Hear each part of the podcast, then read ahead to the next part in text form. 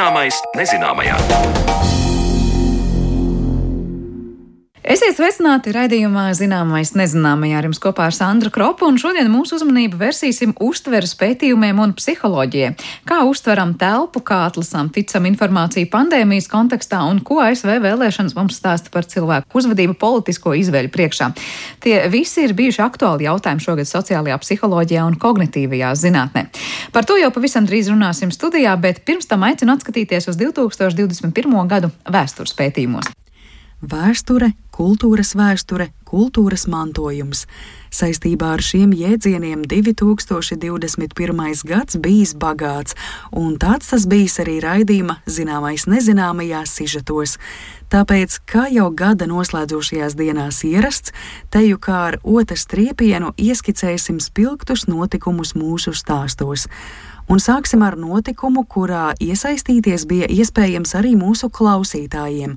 Proti, februārī sarunā ar UNESCO Latvijas Nacionālās komisijas komunikāciju un informācijas sektora vadītāju Beāti Lielmani aicinājām pieteikt liecības UNESCO programmas Pasaules atmiņa Latvijas Nacionālajam reģistram.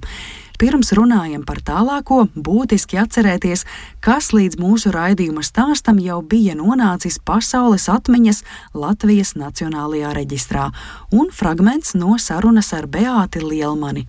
Jā, 2009. gadā tika izveidots šis saraksts, un mēs viņu papildinām reizes četros gados. Un par šo laiku ir bijušas astoņas nominācijas, kuras ir iekļautas, un šīs nominācijas ir daudzveidīgas.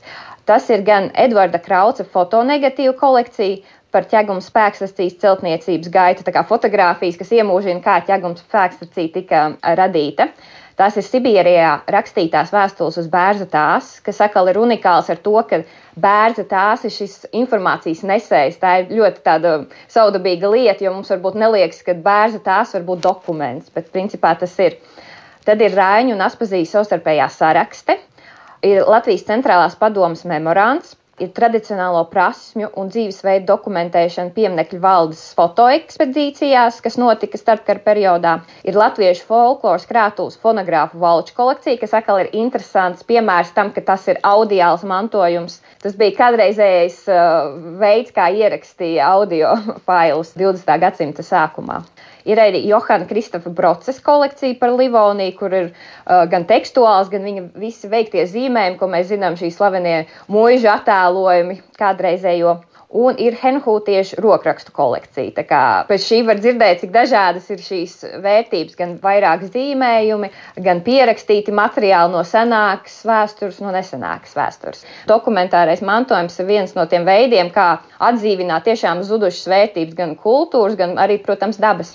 Šī gada oktobrī norisinoties UNESCO Latvijas Nacionālās komisijas asamblejas jubilejas sēdei, kas tika veltīta Latvijas 30 gadēju UNESCO, tika pieņemts lēmums par Latvijas Nacionālā reģistra papildināšanu ar jaunām dokumentārā mantojuma nominācijām.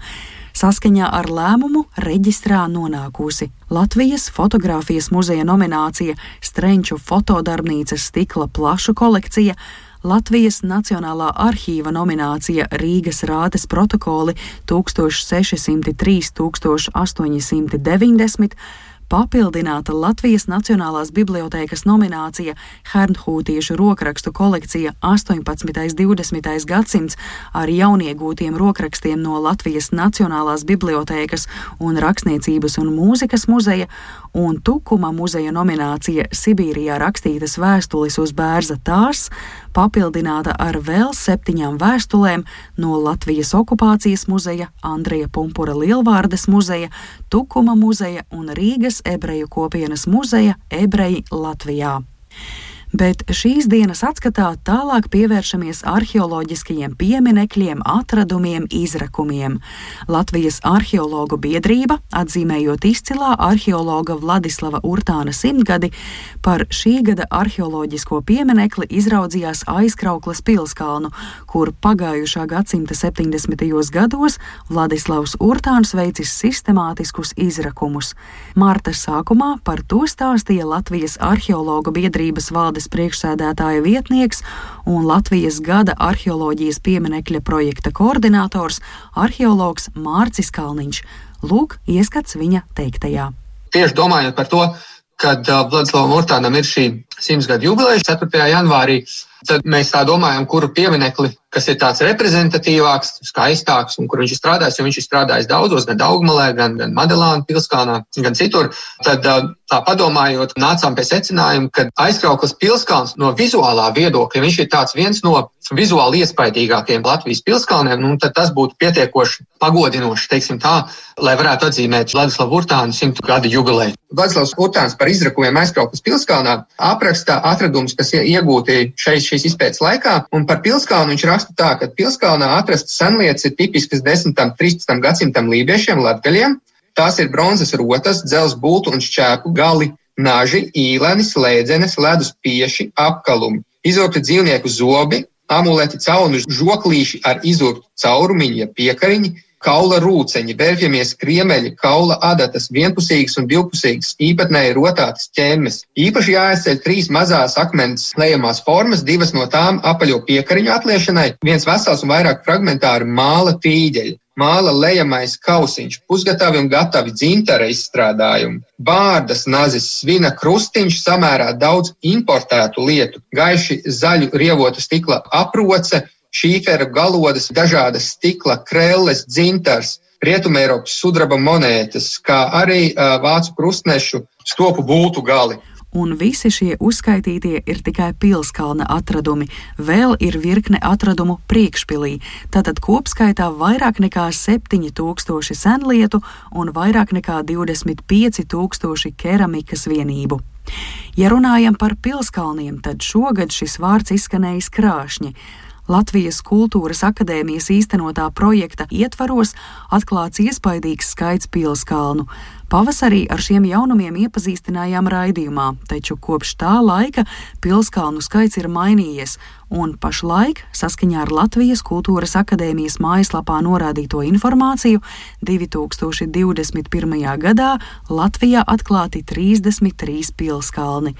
Vēl raidījumā turpinājām stāstīt par atrastajām Pirmā pasaules kara liecībām Olainē un ar rekonstruētu blindāžu, zemnīcu un arheoloģiskajos izrakumos atrastajiem priekšmetiem interesanti var iepazīties Olainas pilsētas parkā.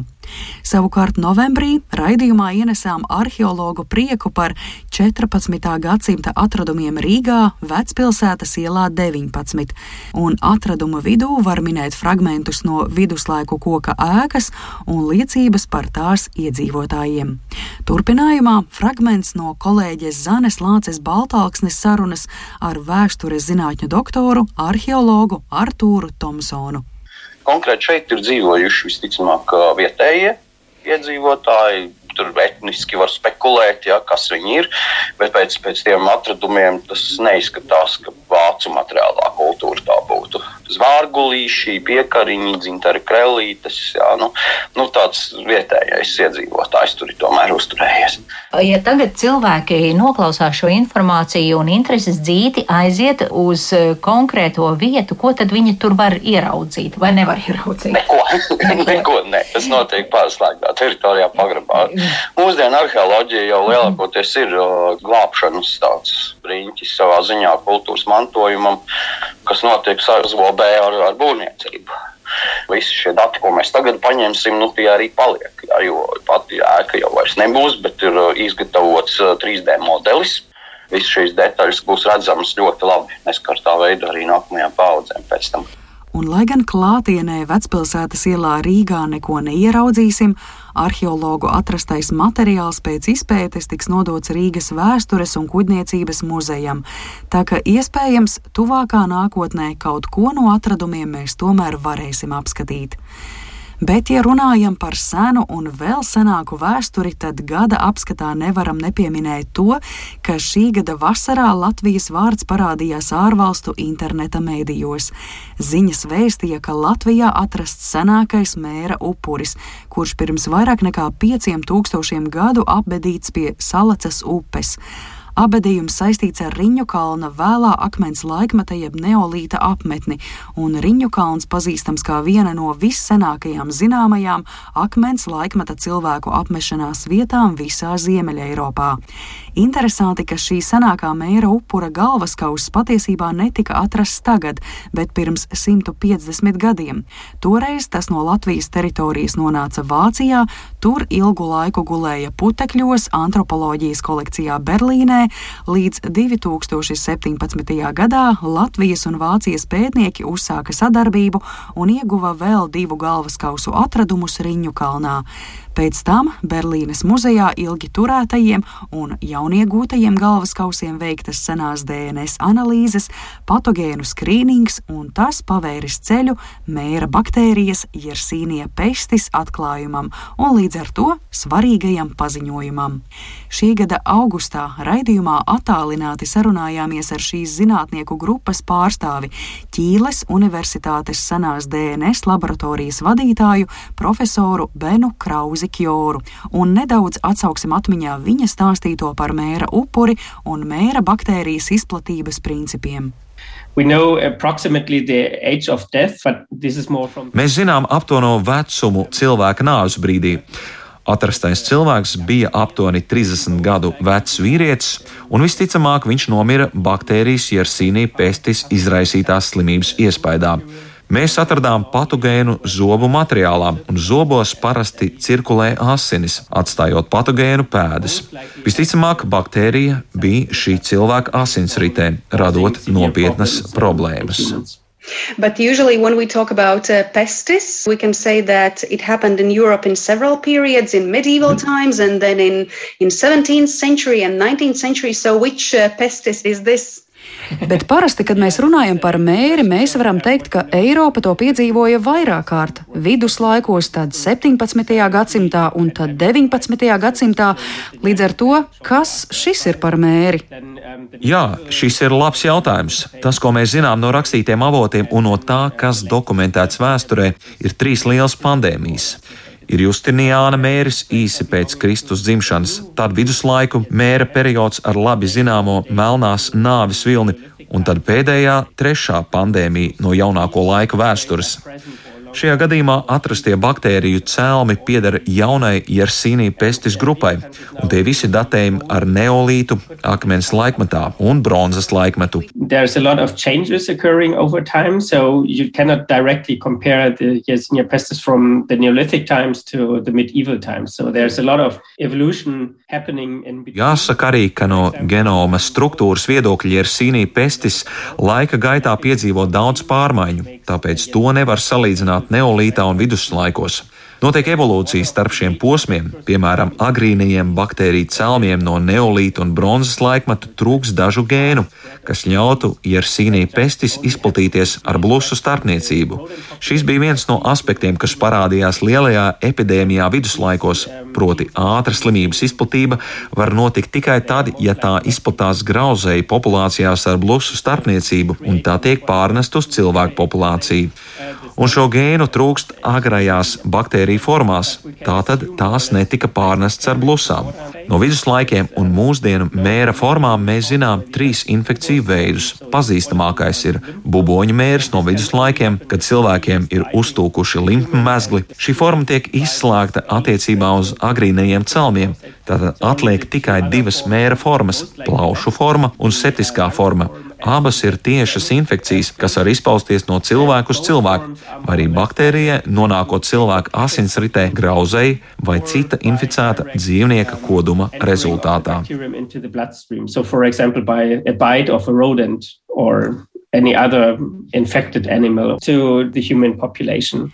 Tātad Jersīnija pestis cilvēku sabiedrībā ir krietni ilgāka nekā līdz šim bijām domājuši. Bens Krause Kjora minējis, ka neolīta gadījumā visticamāk ir jārunā tieši par septisko slimības formu, kad mēra baktērija cilvēkā nonākusi grauzē koduma rezultātā, un iespējams sava loma te bijusi bebriem. Attiecībā uz šo izpēta turpināsies. Bet vēl viens otrs triepiens gada atskatā mums jāizdara saistībā ar šogad dienas gaismu ieraudzījušām grāmatām, pētījumiem, grāmatu katalogiem pār un ap vēstures un kultūras vēstures jautājumiem. Viena no interesantām lasāmvielām, par ko stāstījām oktobrī, būtu grāmata Mitopoeja - mūsdienu mītrade, kuras autors ir Ingus Barovskis, Latvijas Universitātes humanitāro zinātņu fakultātes pētnieks, rakstniecības un mūzikas muzeja krājuma izpētes nodaļas mākslas eksperts, kā arī docents ekonomikas un kultūras augstskolā. Grāmatā skaidrota mītu radīšanas teorija un sniegti piemēri, kā mūsdienās turpinām seno seno mītu tradīciju.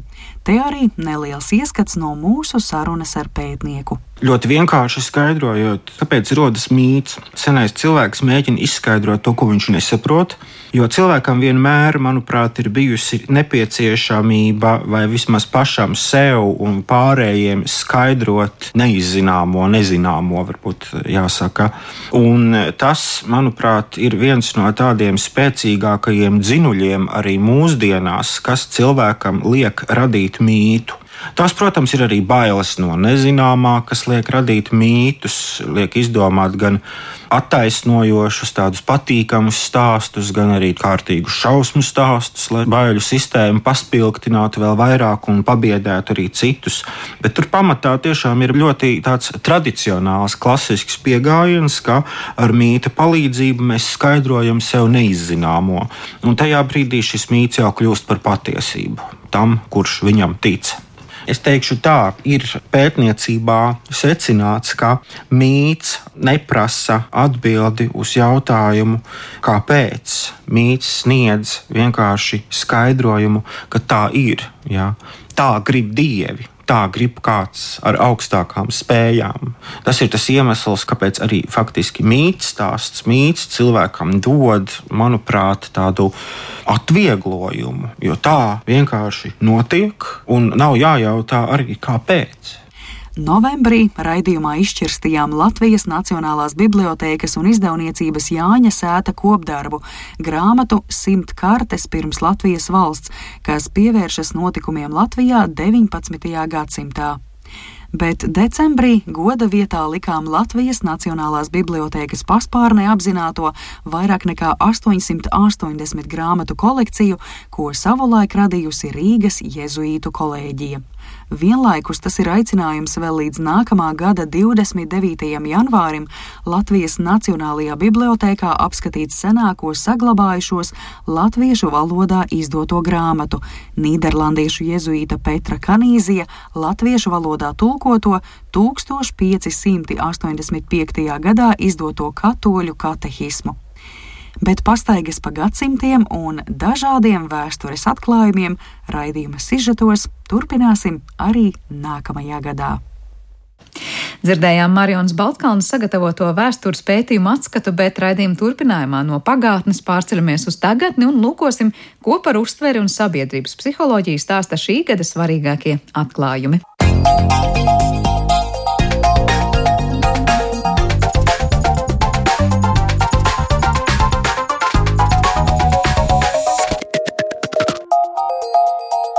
Zināmais nezināmajā. Turpinot gada atskata sēriju, šodien raidījumā palūkosimies uz tām zinātnēm, kas visciešākajā mērā skaidro mūsu cilvēku uzvedību.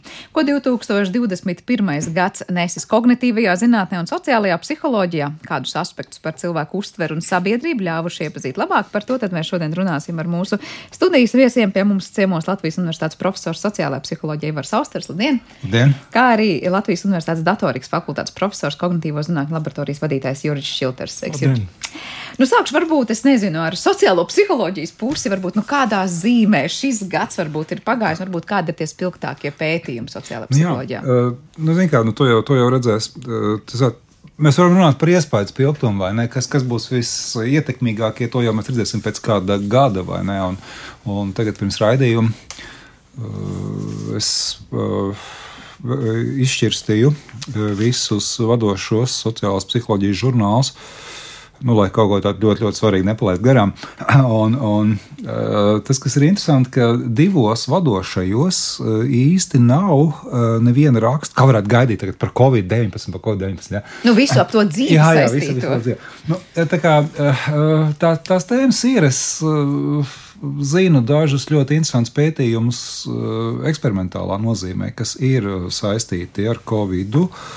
Nu, teiksim, tas, ko reizēm eh, atrod, eh, un eh, ir diezgan daudz tādu, pārāk daudz tādu pētījumu, kur korelatīvā veidā analizē datus, teiksim, cik lielā mērā cilvēki uzticās visām politiskām padarīšanām, valdībai un tam līdzīgi, un politiskajai sistēmai, un gatavību ievērot visādas drošības pasākumus, vai ne? Un tad dabūna to tipisko rezultātu, ka jo mazāk uzticās, jo mazāk ievērot.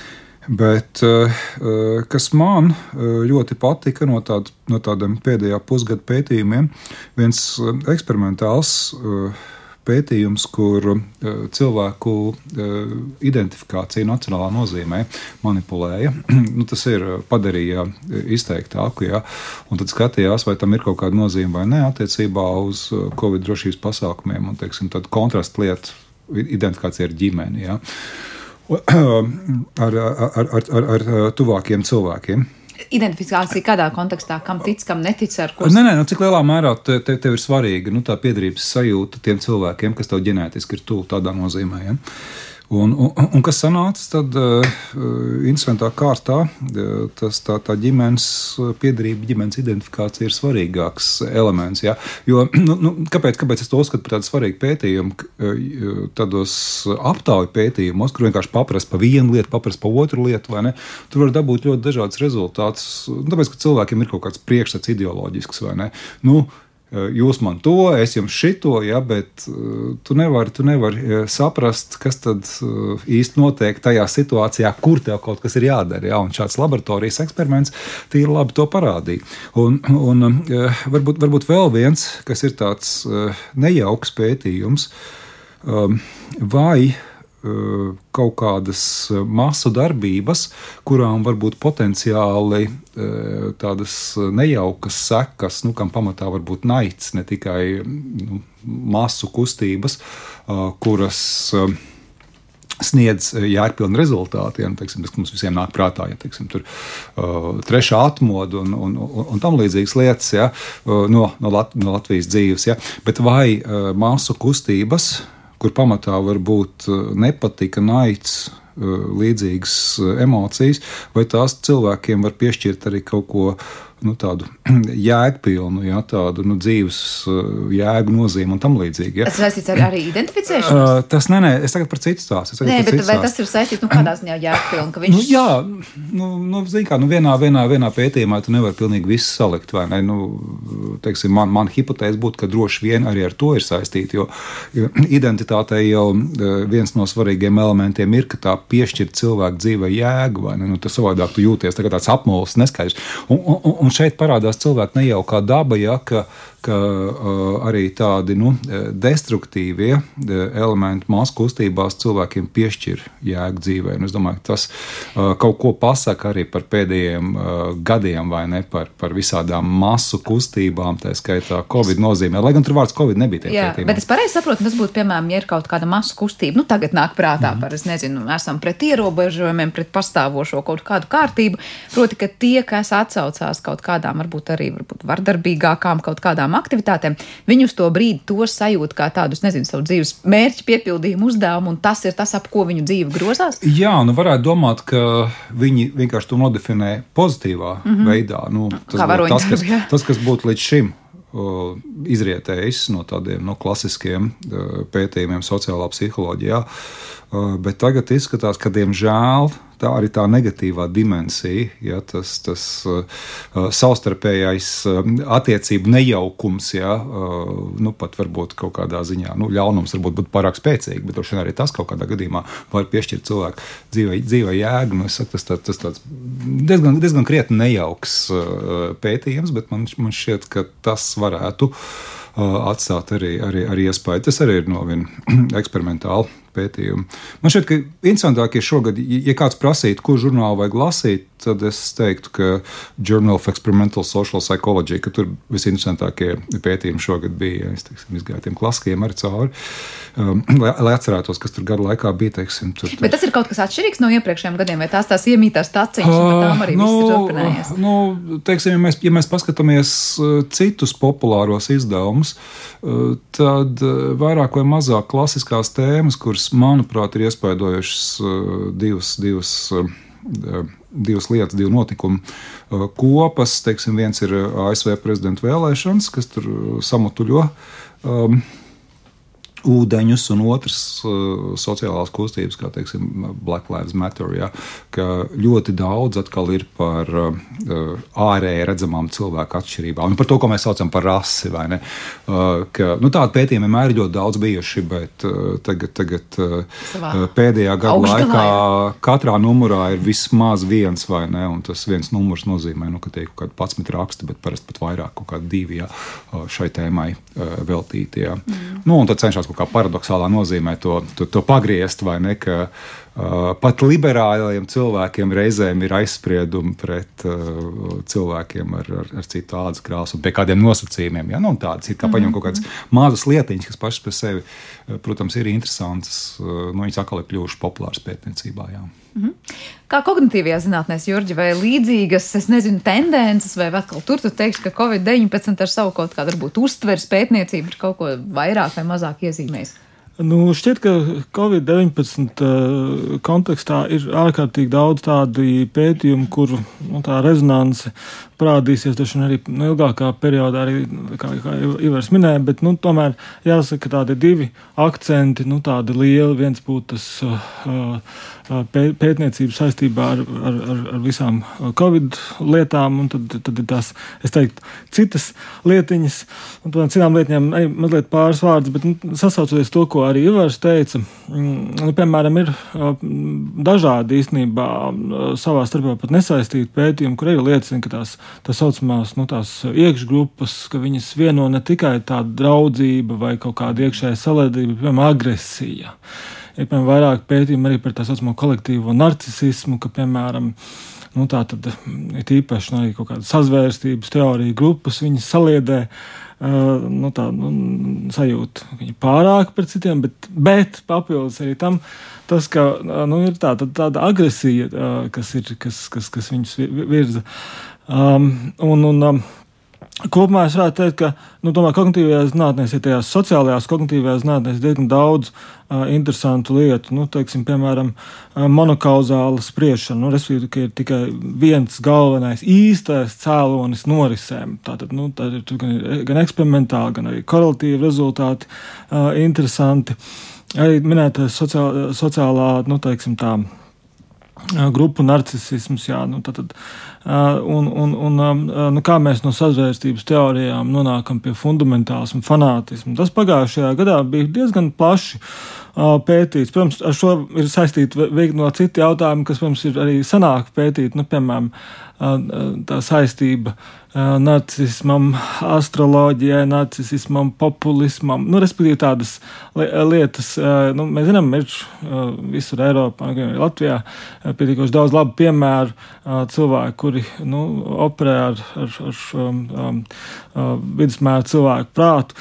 Nu, ļoti tipiski šie cilvēkiem, šiem cilvēkiem piemīt narcismu tādas Iezīmes, jā. Iezīmes. Kā, tas varbūt tas tā, runāt par, par, par Covid pētniecību, tāds, tāda saistība ar sociālām zinātnēm, bet otra saistība, protams, ir medicīnas un ar, ar uztveres pētniecību, jo, piemēram, nu, smaržas uztveres pētniecība būtībā pēdējā pusotra gada laikā ir tik intensīvi veikta, ka, nu, faktiski ir ļoti daudz interesantu rezultātu. Nu, piemēram, tas, ka ožas traucējumi kritiski ietekmē cilvēku dzīves kvalitāti. Ne tikai fizioloģiski, bet arī psiholoģiskā nozīmē. uh, nu, uh, cilvēkiem, kuriem zūd smaržas izjūta, ir ļoti būtiski traucēt arī emociju regulāciju. Tā ir ļoti, tas ļoti būtisks tāds arī pienesums, ko, nu, protams, arī nereāli skaidrot, bet nu, ļoti daudz mēs saprotam, kā tas maina mūsu sabiedrības ikdienu, ņemot vērā, cik daudz cilvēku izslimo Covid un, un kur radās tās uh, smaržas traucējumi, arī piemēram miega funkcijas, uh, to kā uh, smaržas uztver uh, ir, ir traucējusi. Uh,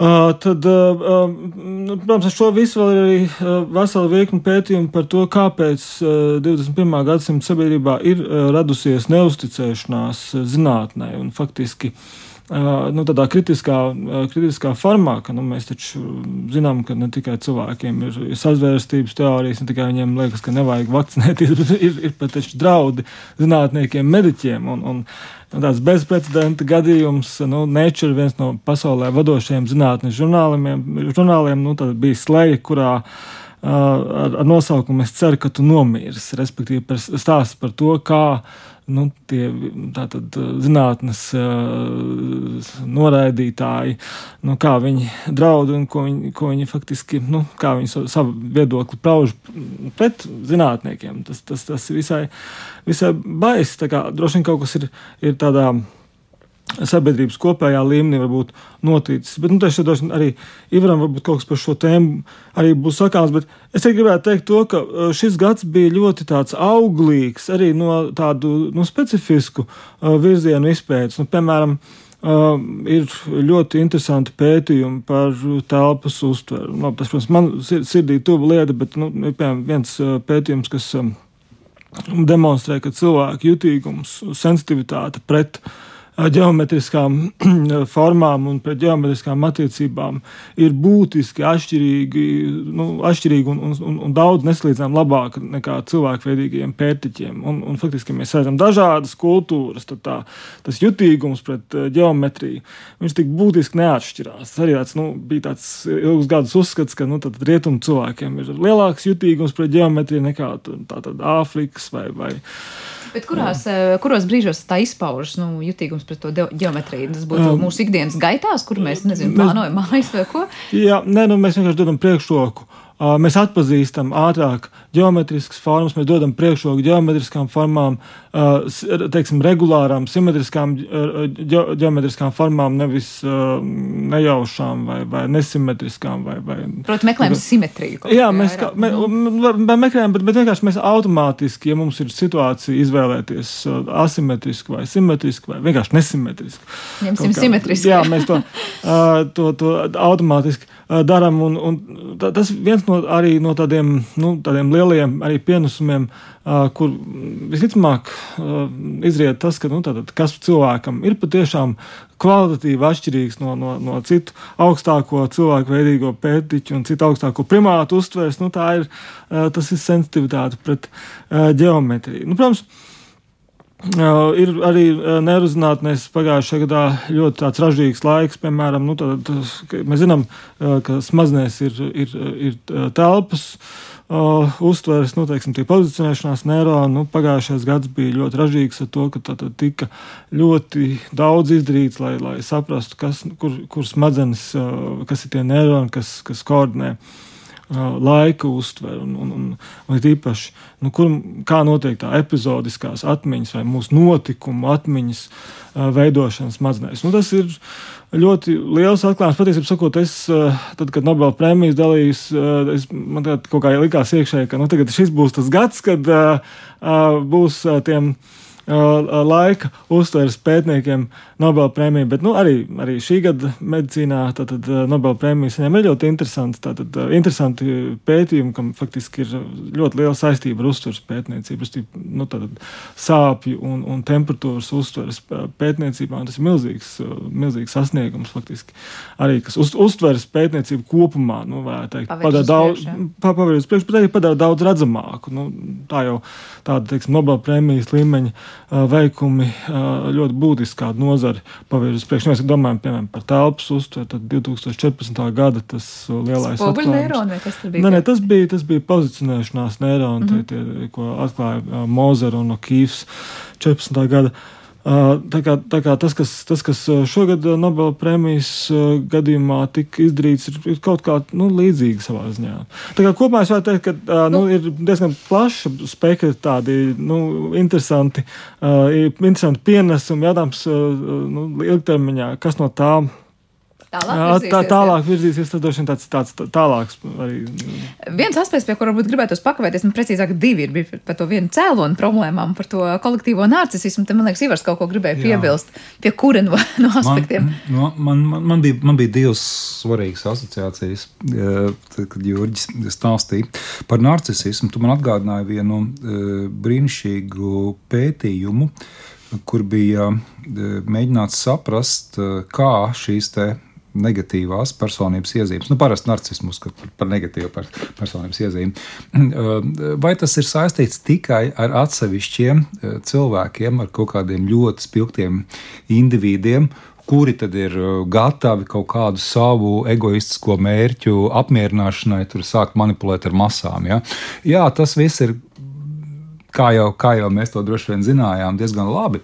Bet uh, atkal tāds uh, negatīvais paradoks, ko droši vien daudzi negaidītu, ir, ka uh, politiskā aktivitāte, uh, tāda nu, pilsoņa gadījumā, pilsoņa līmenī, uh, ir izskaidrojama ar uh, narciskām tendencēm. Ja? Tātad tie cilvēki, kuriem narcisms būtu bijis augstāks, viņi arī būs aktīvāka politiskā nozīmē. Ja? Nu, tad, nu, tur, tur, tur ir tāds ļoti interesants pētījuma virziens, un es domāju, ka tas būs tuvākajos gados ļoti, ļoti, ļoti populārs, ja, ja, viens, ja viens jānosauc. Um, otra asociācija uh, bija šī tālāk, lai gan ne ļoti tālu no šīs. Uh, tad, kad tu, Jurģi, uh, stāstīji par, par telpiskām lietām, par formas uztveri, Es atceros, eh, viens burvīgs itāļu pētījums eh, saistībā ar grupas identitāti šogad bija. Man viņš ļoti, ļoti patika. Eh, tātad, vai mēs gadījumā par identitāti nedomājam telpiski, un viņiem bija ļoti asprātīgs dizains.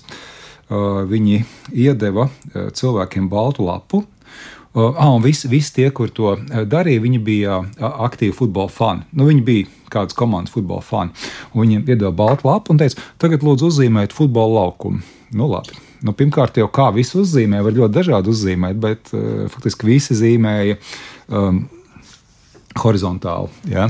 Tā ir viena lieta. Otra lieta, tagad viņiem teica, un tagad uzzīmējiet savu komandu, kā jūs viņu uzzīmēsiet uz šī laukuma, un visi zīmē kreisā pusē. Ja? Uh, un, un, uh, tātad, tas sākotnējais secinājums bija, ka ja mēs rakstām no kreisās uz labo pusi, tad mēs labāk gribam tajā lapas daļā, nu, kas ir sākums, ja, kas ir atskaites punkts, tie ir mūsējie. Un viņi uztaisīja arī salīdzinošu pētījumu uh, ar cilvēkiem, uh, kuriem uh, dzimtā valoda ir arābu valoda, kur raksta no uh, labās puses uz kreiso. Un viņi dabūja, ka viņi to futbola komandu noliek labajā pusē. Nu, ar, nu, tāds sākotnēji vienkārša lieta, bet es domāju, ka šita, šitam arī būs eh, diezgan, diezgan, diezgan liels sekas nu, kaut kādā eh, pētījuma, pētījuma paradigmas eh, izstrādē. Man tas ļoti, ļoti patīk. Bet... Nu, tā savā ziņā ir tāda, tāda vecā mīlestība jā, par identitāti. Jau, ko, es tieši tikko iedomājos par to identitāti, ko sākumā arī minēju par to ģimeni. Ja? Proti, mm. tam arī būtu saistība kaut kur varbūt ar telpiskumu, ka cilvēks nezinu, ir uzaudzis tajā ģimenē, un viņam tā identitāte. Tas, tas, tas, tas ir interesanti. Man šķiet, ka te uzreiz arī, arī izriet, jā, un noteikti kāds jau uztaisīs tādu vienkāršu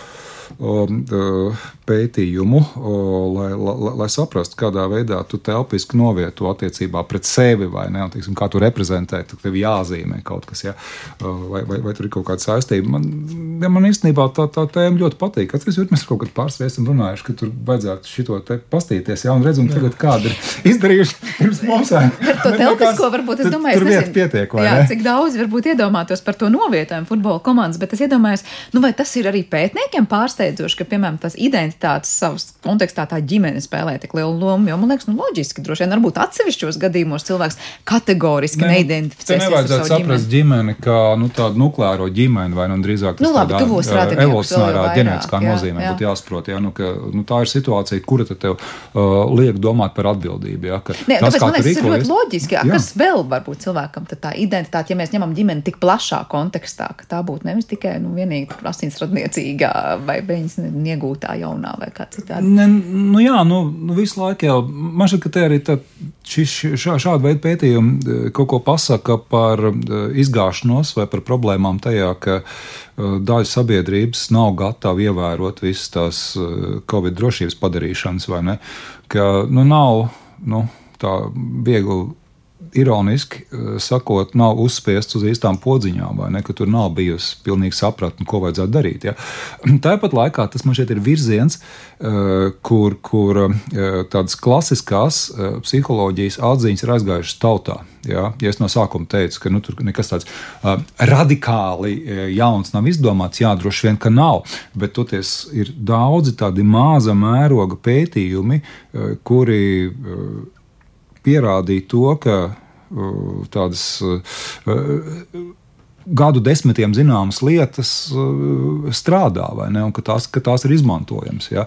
Nu, teiksim, uh, stāsti tā, lai uh, nebūtu par to grūti domāt, ja stāsti personificēti, nu, ja tev nāk, teiksim, īziņa vai ne par to, ka tev jāiet vakcinēties, tad nevis vienkārši parakst veselības ministriju, ja, bet parakst tur dace tādu un tādu vai, vai, vai vilnis tāds un tāds no veselības ministrijas. Ja? Un tad būs daudz lielāka varbūtība, ka cilvēks atnāks, tad, kad viņam ir iedalīts tas laiks. Ja. Nu, Šādi, šādi mikro mēroga pētījumi jau bija diezgan daudz, vai ne? Un tās idejas teorētiskā nozīmē varbūt nesniedz milzīgu pienesumu sociālās psiholoģijas ietvaros, ja, bet uh, to, to klasisko, daudz pārbaudīto uh, sociālās psiholoģijas uh, ideju tāds uh, popularizācijas pasākums uh, tādā, tādā uh, griezumā, tam, tam, tam, protams, ir milzīga nozīme, ja, ka daudzas lietas, par ko, teiksim, šaurā lokā neviens īpaši nešķiet, nešaubījās, visi to zināja.